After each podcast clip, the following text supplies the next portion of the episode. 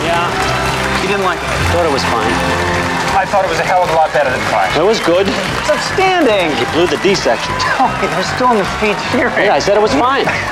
Sam, nice going. Thank you. Tell him. Why? Because Sam wrote two and a half paragraphs and I wrote 37 pages. Still. Ja, her fikk vi litt walking and talking fra den kanskje lengste tagningen i serien The West Wing, der president Bartletts medarbeidere krangler om hvor vellykket talen hans var. For mange framstår denne scenen som erkeeksempelet på serieskaper Aaron Sorkins fortellermåte som tok oss med storm for snart 25 år siden. Jeg vet det egentlig er 24 år siden, men siden det er presidentvalg neste år, så tar vi jubileet litt på forskudd her. Jeg heter Kjetil Ismoen og styrer denne podkasten vi kaller for Den femte statsmakt om populærkultur i politikken og politikk i populærkulturen. Med meg denne gangen har jeg Sigrid Gårdsvold og Cecilie Stranger Thorsen, som begge i perioder av livet har hatt et ganske dedikert forhold til West Wing. Sigrid er politisk kommentator i Vårt Land, Cecilie er medieviter og tidligere filmkonsulent. Velkommen begge to. Takk for det. Ja, jeg tilhører de litt kyniske, kanskje, som opplevde The West Wing som i overkant idealistisk da den kom. Da jeg nylig så den på nytt, ble jeg rammet av en slags sorgreaksjon. Eh, For da gikk det jo opp for meg at denne serien aldri kunne ha blitt laget i dag. Altså, det gikk opp for meg for alvor.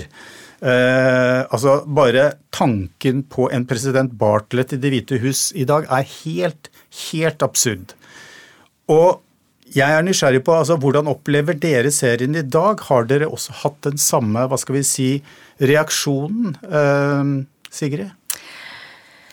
Ja, det kan du si. Det har jeg nok. Eh, men jeg eh, Jeg er jo Jeg skal ikke si jeg er ung, men jeg, jeg var jo eh, tidlig i 20-årene når jeg så serien, og den var kanskje mitt første innsteg i amerikansk politikk, ikke omvendt. Jeg visste ikke om presidenter og sånt.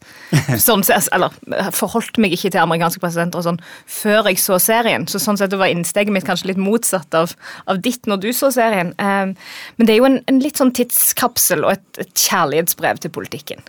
Ja, ikke sant. Eh, hva med deg, Cecilie? Eh, hva var det som traff deg den gangen, og kan du se tilbake på det i dag, og ja, hva føler du? Ja, eh, Det som traff meg den gangen, var Jeg hadde akkurat levert hovedoppgaven min der jeg skrev om hvordan TV-drama kunne ta opp tendenser i samtiden. Så West Wing tror jeg traff meg veldig på akkurat samme tangent. At det på en måte var sånn en del av TV-flowen. Du så nyhetene, det sklei over i i presidentembetet. Det var liksom en sømløs og veldig avansert integrasjon av ting som skjedde parallelt i nyhetsbildet. Em, så det, det traff meg nok sånn faglig, og sånn rent eh, underholdningsmessig så er det jo sinnssykt godt håndverk. Det er liksom Det er patos, det er politikk, det er Jeg syns det er helt nydelig. Eh, og så er det vanskelig å se i dag uten å føle at tiden har gått. Det er det. Men det er vel litt av det vi skal snakke om. Ja, altså Dette var jo før man begynte å snakke om TV-dramaets gullalder. Eh, og det som slo meg den gangen, var jo at ja, du nevner det med, med kvaliteten, men, men jeg hadde ikke sett noe lignende, egentlig. Altså, jeg hadde sett innen eh, amerikansk independent-film var det faktisk et begrep som het 'walking and talking'. Altså Man gikk der med et kamera og fulgte noen som, som beveget seg og snakket eh, og, og, og skravlet. Og, og, her så vi det i en TV-serie. Og, og det fungerte jo aldeles utmerket. Så, så den var jo på en måte nyskapende. Altså Kanskje derfor den også gjorde så sterkt inntrykk. da, altså Det var, det var en litt sånn annerledes vri på, på skildringen av, av Det hvite hus. Ja, altså den var jo jeg i forkant av TVs tredje gullalder. Mm. Men den er jo absolutt en del og en sånn slags slutt på TVs andre gullalder, som begynte på 80-tallet med, med hva skal man si, den jakten på middelklassen som var i ferd med å, å rømme fra TV som trashy medium. Sånn at eh, delvis er den en del av det, og så tenker jeg òg at den er et brudd med alt det som på 90-tallet var litt sånn Det var mye sånn quirky TV. Det var Twin Peaks, det var Ally McBeal, det var liksom mye sånn formeksperimenter. Eh, mye Um, si, restriktiv bruk av musikk, sånn at det skulle være mer seriøst, det, det holder de jo ikke tilbake på her. Her er det musikk og militærtrommer og lavsko. Pauker og basuner. Det er mye, Ja. mye tralala. Ja, jeg mente jo ikke antyde at TV-drama ikke har hatt en slags gullalder før dette. Men eh, det er jo i vår tid vi, vi virkelig snakker om uh, gullalder med store, forgylte bokstaver. Uh, men uh, Sigrid, serieskaper Aaron Sorkin har fortalt at han skapte serien som en reaksjon på årene med president Clinton. Altså, Han ville gi oss en president uten sexskandaler og uten en sånn svakhet for å gi etter for sentrum. Altså stå opp for noen prinsipper som var forankret på venstresiden. Mm. er det Stemmer det overens med på en måte det universet vi etter hvert ble introdusert for? Hva skal jeg si, både ja og nei. Han, han, han framstiller jo et, et, et hvitehus som er fullt av, av mennesker som står opp for de liberale idealene, som debatterer i hvor stor grad en skal stå opp for mer, altså, progressiv, altså hvor progressiv en skal være. Eh, som ønsker samarbeid med en, en høyreside som tidvis framstilles litt sånn som de slemme, men også, der òg framstilles det stort sett som folk som har prinsipper, bare andre prinsipper. Så det, det er en veldig eh, Det er jo en serie som heller ikke reflekterte den politiske virkeligheten da. eh, Som en sto i da. Eh, Det var jo ganske tøffe tak i, i Kongressen mellom Clinton og, og de republikanske eh, politikerne. Det som jo også er litt interessant, at Aaron Sorkin lagde i 1995 eh, den romantiske komedien The American President. eh, Med Michael Douglas eh, og Annette Benning. Og mange av temaene i West Wing og mye av dialogen er jo løfta fra denne filmen. Så du kan si at i 95 så var det kanskje ikke så mye å reagere på sånn sett med Clinton. sånn at det er nok en, en, en delt sannhet det at TV-serien er en sånn direkte reaksjon på Clinton, tror jeg. Cecilie, hva, hva, hva tenker du om det? Altså, eh, nå er jo du her som en slags eh, hardcore medieviter, men eh, de politiske aspektene var jo viktig for deg også da du så det? Ja, det var det absolutt. Ikke minst fordi jeg også Vi hadde sånn eh, seerfellesskap i, i Oslo der jeg så det sammen med en politisk rådgiver på Stortinget, så, så det ble liksom en forsterkende, forsterkende greie. Men jeg, jeg tror ikke det speilet de, de norske tilstandene så mye. Eh, nei, jeg si, eh, Sorkin har jo sagt sjøl at det er som en reaksjon på Clinton. Eh, og så er det jo interessant å se eh, i det Bush vinner valget, og det gir jo en annen klangbunn for serien. sant? Fordi da blir det jo en annen, en annen ytterlighet å speile seg i.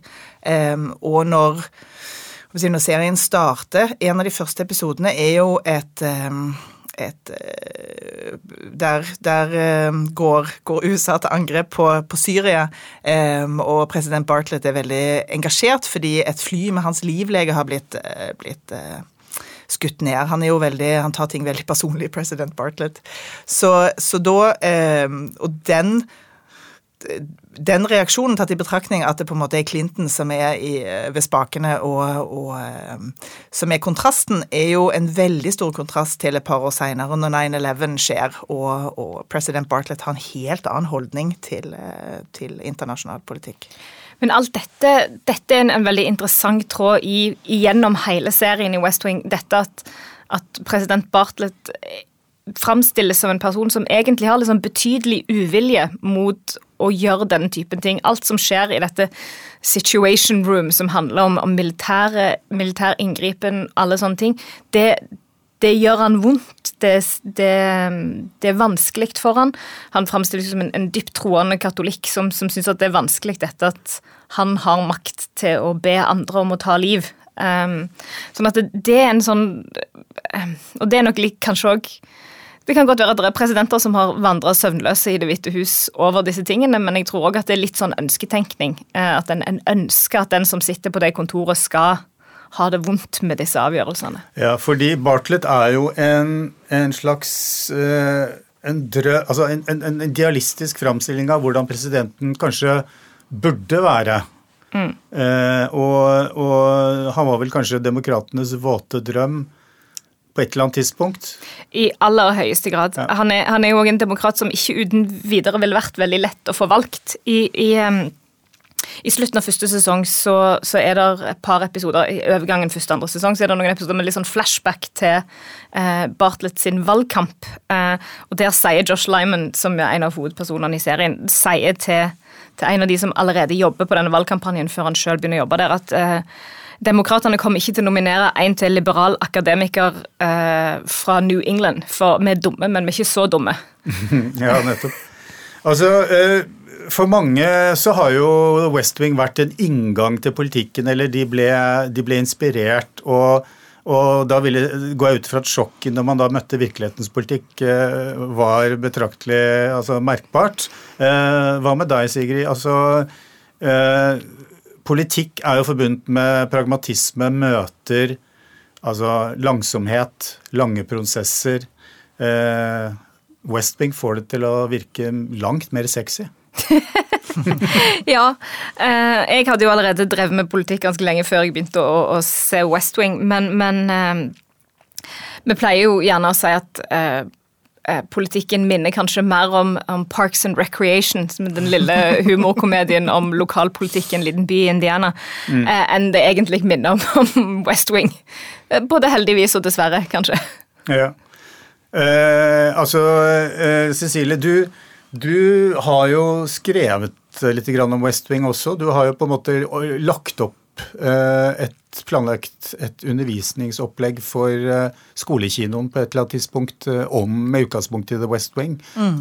Eh, hva var den pedagogiske tilnærmingen da? Var det på en måte å gjøre Altså, her er politikken gjort enkel og forståelig? Det var, det var, et undervisningsopplegg med fire serier fra 00-tallet, så ah. eh, det var liksom litt sånn fokus på, på, akkurat dette med den andre overgangen til den tredje gullalderen. Men eh, det var ikke så mye fokus på politikken, nei. Det var mer fokus på, på virkemidler og, mm. og, eh, og, mer sånn klassisk film, filminngang til det. jeg antar at for ungdommer i dag så er jo amerikansk politikk veldig, veldig langt borte. Eh, fra bevisstheten sånn rent det er, ikke, det er, jo ikke, presidenten det handler om her. Her handler det om systemet bak. sant? Det var faktisk egentlig planlagt at presidenten bare skulle være med hver fjerde episode. Syns jeg sier noe om, om inngangen til, eh, til systemet og den verden vi møter her. Og det er jo på en måte Det er jo hvordan pølsa er lagt, som som er fokus for serien. Um, og i tillegg så får vi jo denne karismatiske presidenten som da, som da spiller en større rolle enn det som det var tenkt. Mm. Um, men nå glemte jeg hva du spurte om. Jo, det var det med politikk. Jo, uh, men noe av gleden for meg med serien er jo òg hvordan de klarer å veve inn kunnskap om det amerikanske politiske systemet. Eh, som, eh, som, gammel eh, sammenlignende politikkstudent så er det liksom veldig fint å få tilbake det her med eh, gerrymandering og census og alle de her amerikanske politiske begrepene som er kjempelangt vekke fra oss. Men det virker jo på meg som om altså Alle disse seriene om amerikansk politikk har jo på en måte påvirket oss i stor grad. Eh, jeg merker med mine egne barn i forbindelse Altså, de vet mye mer om amerikansk politikk enn norsk politikk. Mm. De har mer interesse for det, og jeg opplever at deres jevnaldrende også har det sånn. Altså, Kunnskapen om amerikansk politikk er atskillig mer oppegående. Og, og, det må jo være dette audiovisuelle trykket til enhver tid som, som er en årsak til det Sigrid? Ja, det tror jeg er det ene. altså Populærkulturen som er så sentrert rundt, eh, rundt USA og det, det amerikanske. Men også handler det nok mye, dessverre, om at underholdningsverdien i amerikansk politikk over tid, og spesielt de siste åtte årene, har vært mye høyere mm. enn en den norske politikken. Det må det være lov å si. Mm. Og det har jo skapt problemer for de som skaper fiksjon av det, går jeg ut ifra. Altså hvordan overgå de, de siste, siste fem-seks årene. Hva tror du om det, Cecilie? Ja, det kan, Man kan bare si meg enig i det. Ja. Det er vanskelig å forestille seg eh, West Wing laget i dag, men det har jo òg litt med hva TV er i dag i forhold til for 25 eh, år siden. sant? Mm. Det er jo på en måte det her massive 22 episoder hver sesong, syv sesonger, um, som man på en måte ser sammen med nyheter og andre, andre uttrykk lineært, det har vi ikke lenger. Nå er det litt sånn binge og à la carte. Det er det vi har forhold til TV nå. Og så fikk jo West Wing også da en helt unik plassering i det norske TV-landskapet, fordi den gangen så var det Altså det var jo en av høydepunktene den uken. ikke sant? Den serien. Ja. Eh, så den fikk jo eh, Ja, nei, nei, det er jo noe av kanskje grunnen til at eh, når vi snakker om eh, Hva er det du kaller det? Den andre gullalderen. altså West Wing er jo for så vidt en del av det, men du har Sopranos kom jo også da, ikke sant? Altså disse seriene, The Wire, som eh, Det var ikke så mange av de. Og de står vel kanskje som sånne bautaer i dag også fordi det, det, var jo, det var ikke så mange av de, kan man si. Nei, det er jo akkurat det. Det der med at det kom liksom Det kom på, det kom på norsk TV. og det kom på det tidspunktet det, det var jo heller ikke noe sånn konkurranse med det som fantes på nett, sant. Fordi det eh, West Wing hadde jo premiere et år etter USA her i Norge, og det var jo liksom Det var jo ingen andre måter å få med seg den episoden på. Um, så når, når den em, episoden som tar opp uh, 9-11 bare tre uker etter at 9-11 har, uh, har skjedd, eller de tar det opp på en sånn uh, på en metaforisk måte, så fikk jo Altså, det fikk jo med et år seinere. Så kan man bare tenke hvor Jeg syns det er kjempesterkt å se den episoden i dag. Hvordan de klarte på tre uker å liksom bare snu seg rundt og lage en ekstra episode. Eh, og hvordan det må ha truffet i den amerikanske befolkningen på det tidspunktet. Jeg syns jo som, som litt sånn menig seer, da, som ikke kan noe om, om TV som, som fag, så savner jo jeg litt disse seriene som er sånn 24 episoders sesonger. fordi at da du følte ikke, Når du ser serier nå som har liksom 8-10 episoder, så står det noe på spill hele tida. Du får ikke disse pusteepisodene imellom som du kan se, og så er det bare den ene episoden, så trenger du ikke se den neste, for det skjer ingenting her som må følges opp i neste episode. Jeg syns det var litt deilig. Og det er jo sikkert derfor jeg tror at det er mange som meg som går tilbake til en del av disse litt eldre seriene når vi trenger å slappe av litt i hodet.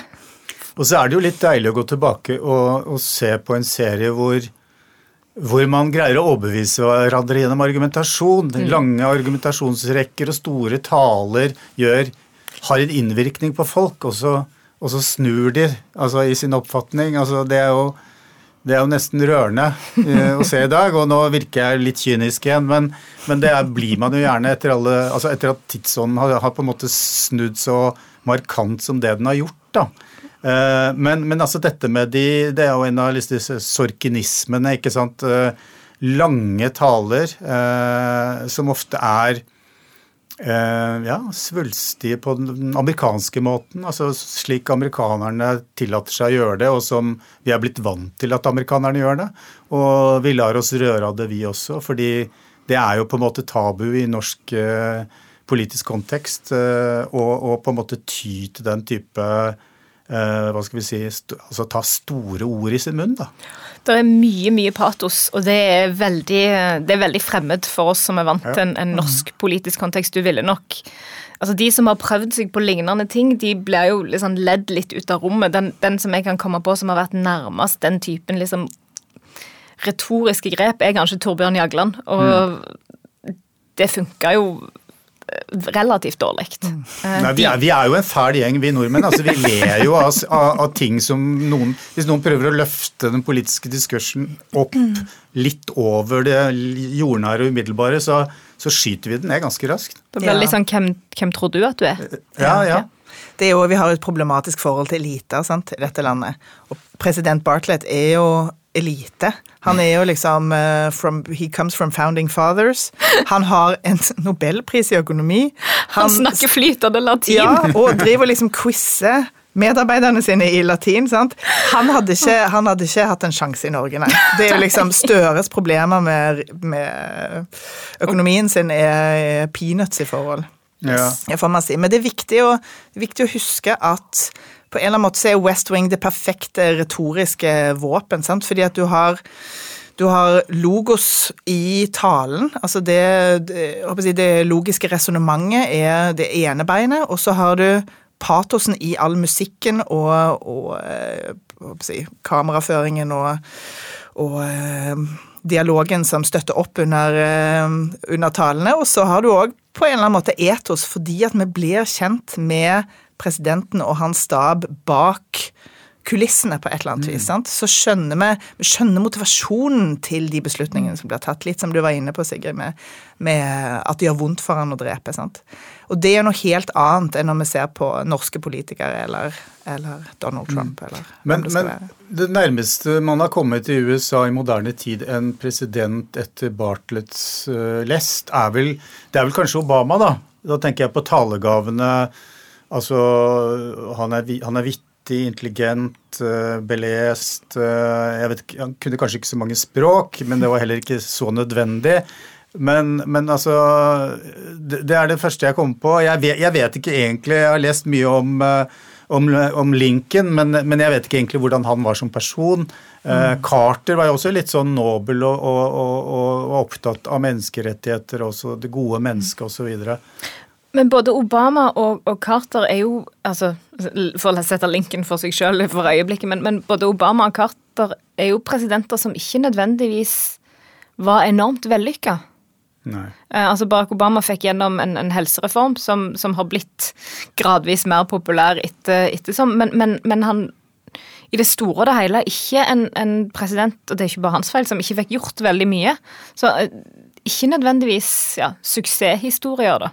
Og så går det an å se på, på en måte Det går an å tenke seg inn i liksom West Wing-universet og se tilbake, så er det ikke gitt at Bartlett heller er en president som da står igjen store ting etter. Det er jo òg verdt å ha med seg, for å ha sagt det. Og du var inne på det, Cecilie. Altså, han, eh, han framstår jo som en ja, eh, altså Fra eliten, eh, fra The Founding Fathers, og sånn Med vår tidsånd nå, så, så vil jo sikkert noen mene at han han representerer et eller annet patriarkat, altså den, den opplyste, vise mannen, ikke sant? Mm.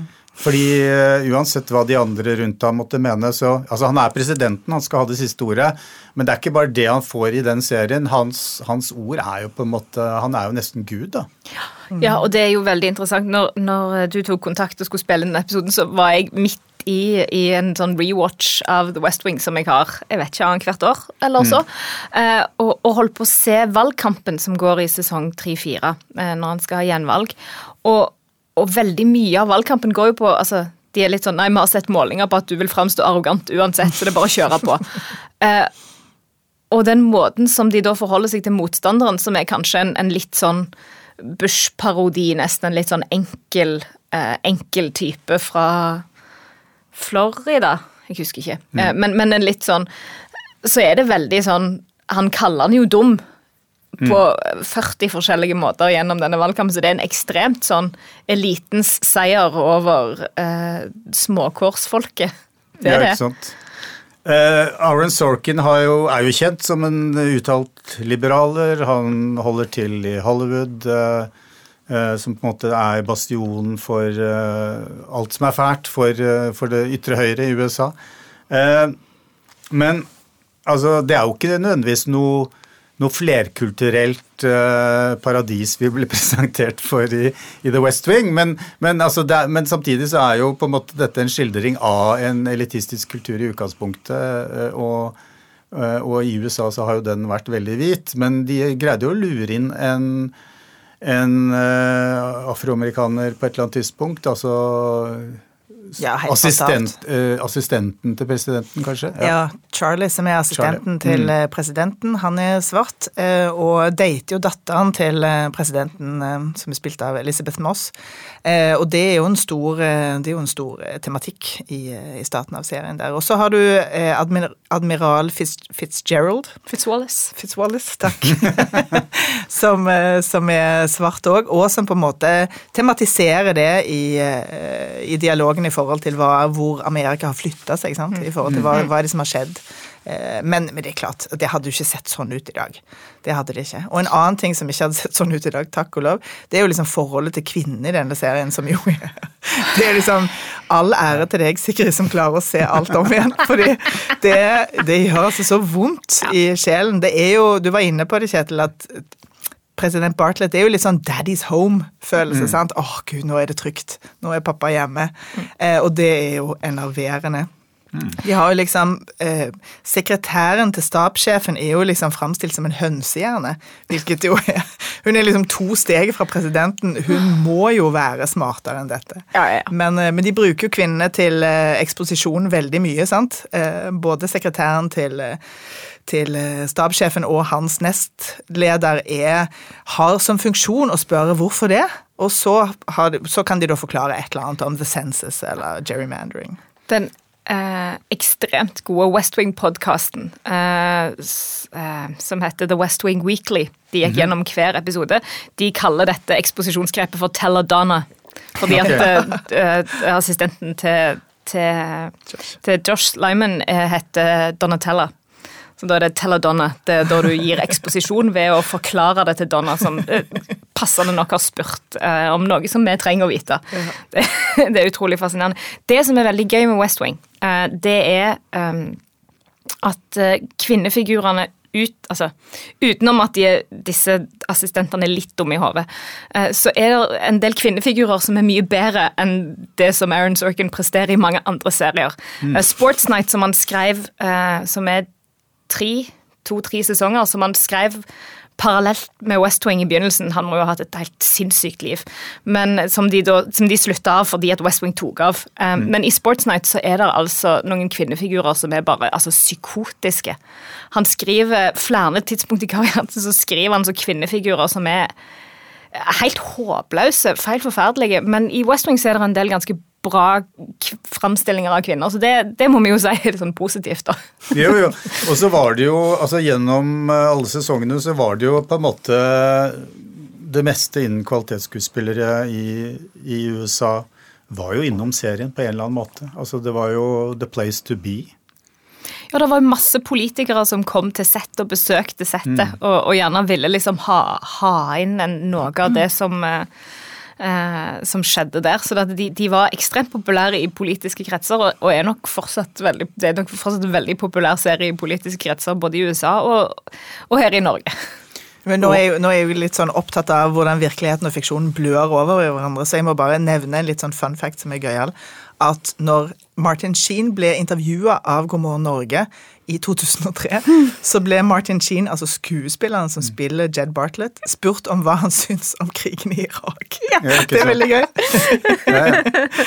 Så det, det blander seg i hverandre. Ja, og skuespillerne fra West Wing var jo på, på veien og drev valgkamp eh, sammen som flokk, både for, for Hillary Clinton i 2016 og for, eh, for Joe Biden i, i, i, i 2020. Sånn at det, det er absolutt sånn at de har på en måte Det er, er vekselvirkninger her. Er Og, og Martin. Sheen var jo kjent som en eh, altså, humanistisk innstilt person, altså, som også, akkurat som Bartlett, er altså, religiøs, eh, intellektuell.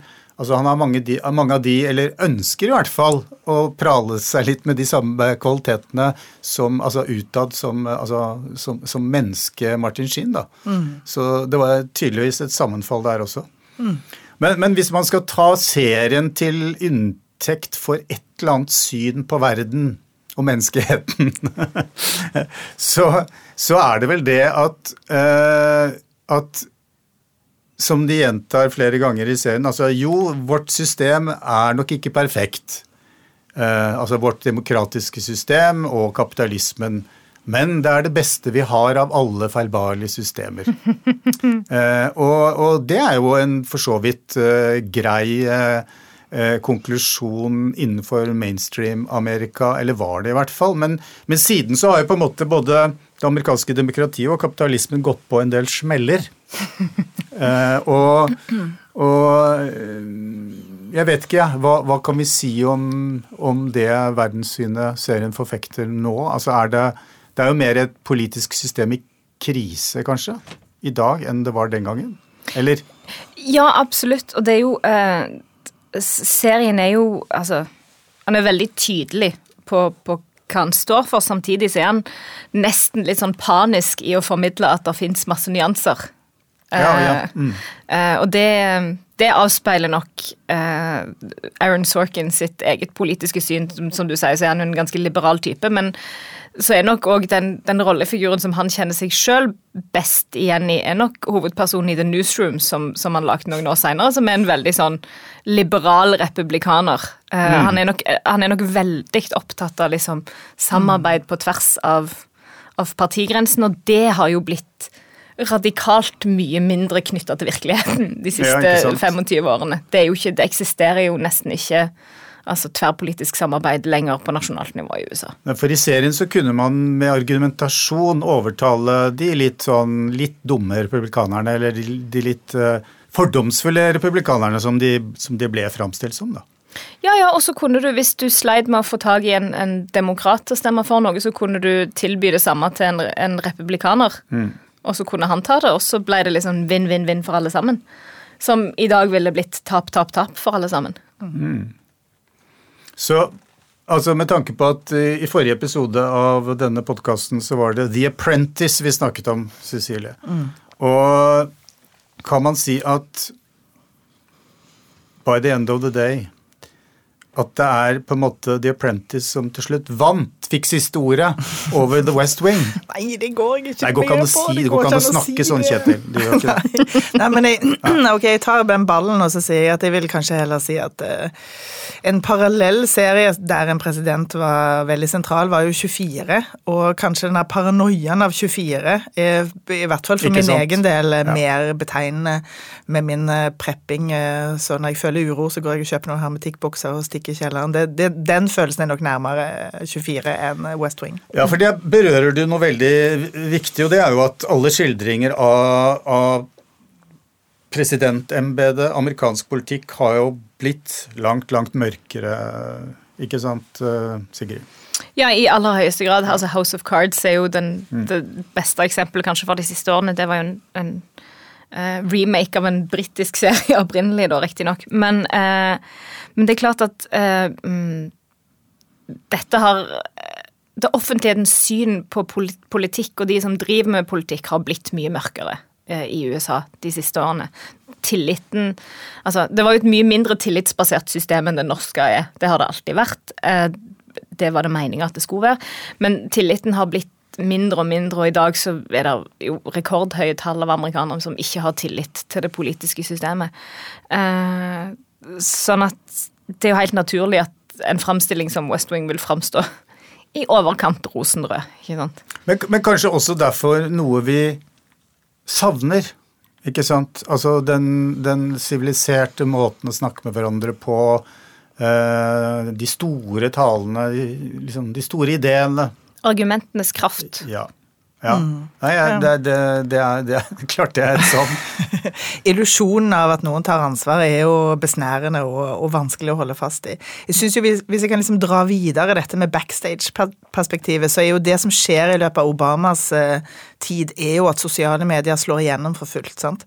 At det ikke på en måte er det der å liksom lette på sløret og vise hvordan pølsa blir laget, det, altså, det er jo helt overflødig nå, fordi presidentene sitter ved Twitter-tastaturet og viser oss på godt og vondt hva som skjer inni hodene deres. Eh, mm. Så det gjør jo òg at illusjonen er på en måte Og så har vi kanskje fått et innsyn hvor vi ser at pølsa stinker kanskje mer enn det film, noen, i hvert fall eh, West Wing-serieskaperne framstilte det som. Altså at uh, vi får innsyn nå som vi kanskje skulle ønske vi ikke fikk. Mm. Eh, men, men altså Vi har jo også serier som, som er ganske mørke, men som altså skildrer presidentskapet med en, en god porsjon humor og, og, gir oss en del innsikter. Og det er jo f.eks. Weep, da, med, med, en kvinnelig president. Mm. Weep er jo på, på Jeg vil si på, på mange måter så er jo Weep den diametrale motsetningen av The West Wing. Fordi at i West Wing så er alle eh, flinke og velmenende, og i VIP så er alle dumme og slemme. Ja. Altså, det, det, er jo altså, så, sånn at Det er ikke egentlig House of Cards som er motsatsen til, til West Wing, det er Veep. Mm. Uh, sånn egentlig. Og så vil jo folk altså Pete Buttigieg, som var presidentkandidat for Demokratene i, i 2020, ga seg relativt uh, tidlig. Han har jo sagt at uh, en ønsker jo gjerne at, at å drive med politikk skal føles som å være med i West Wing, men ofte så er det nok mer en blanding av Veep og Parks and Recreation, som jeg snakka om tidligere. Der alle er velmenende, men litt dumme. Nettopp. Ja.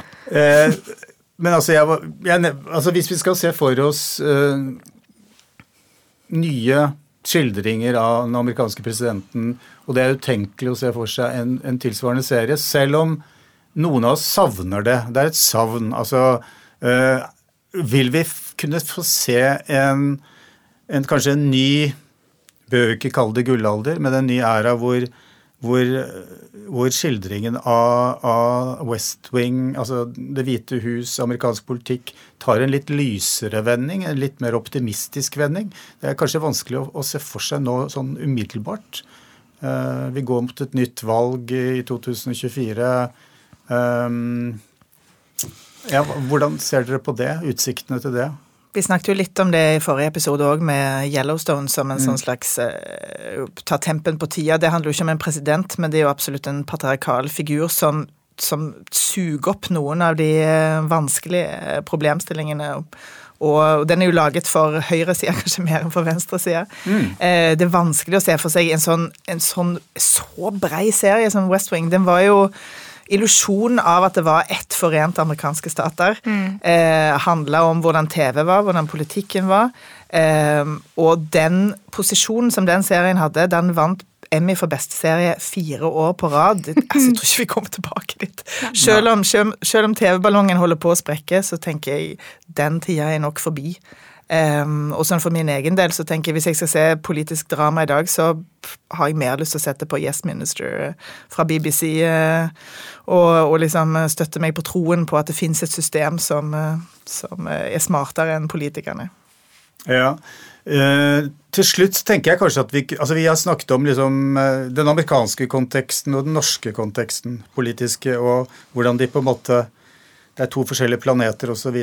Men, men eh, Sigrid, du nevnte for meg at eh, altså Det er jo selvfølgelig sammenfall eh, innimellom. Og, og, og politikkens vesen er jo i prinsippet det samme, og taktikkeri finner du overalt. altså Vedum eh, gikk jo nå ut med sin MS-diagnose, eh, og, og Bartlett hadde jo også den samme diagnosen.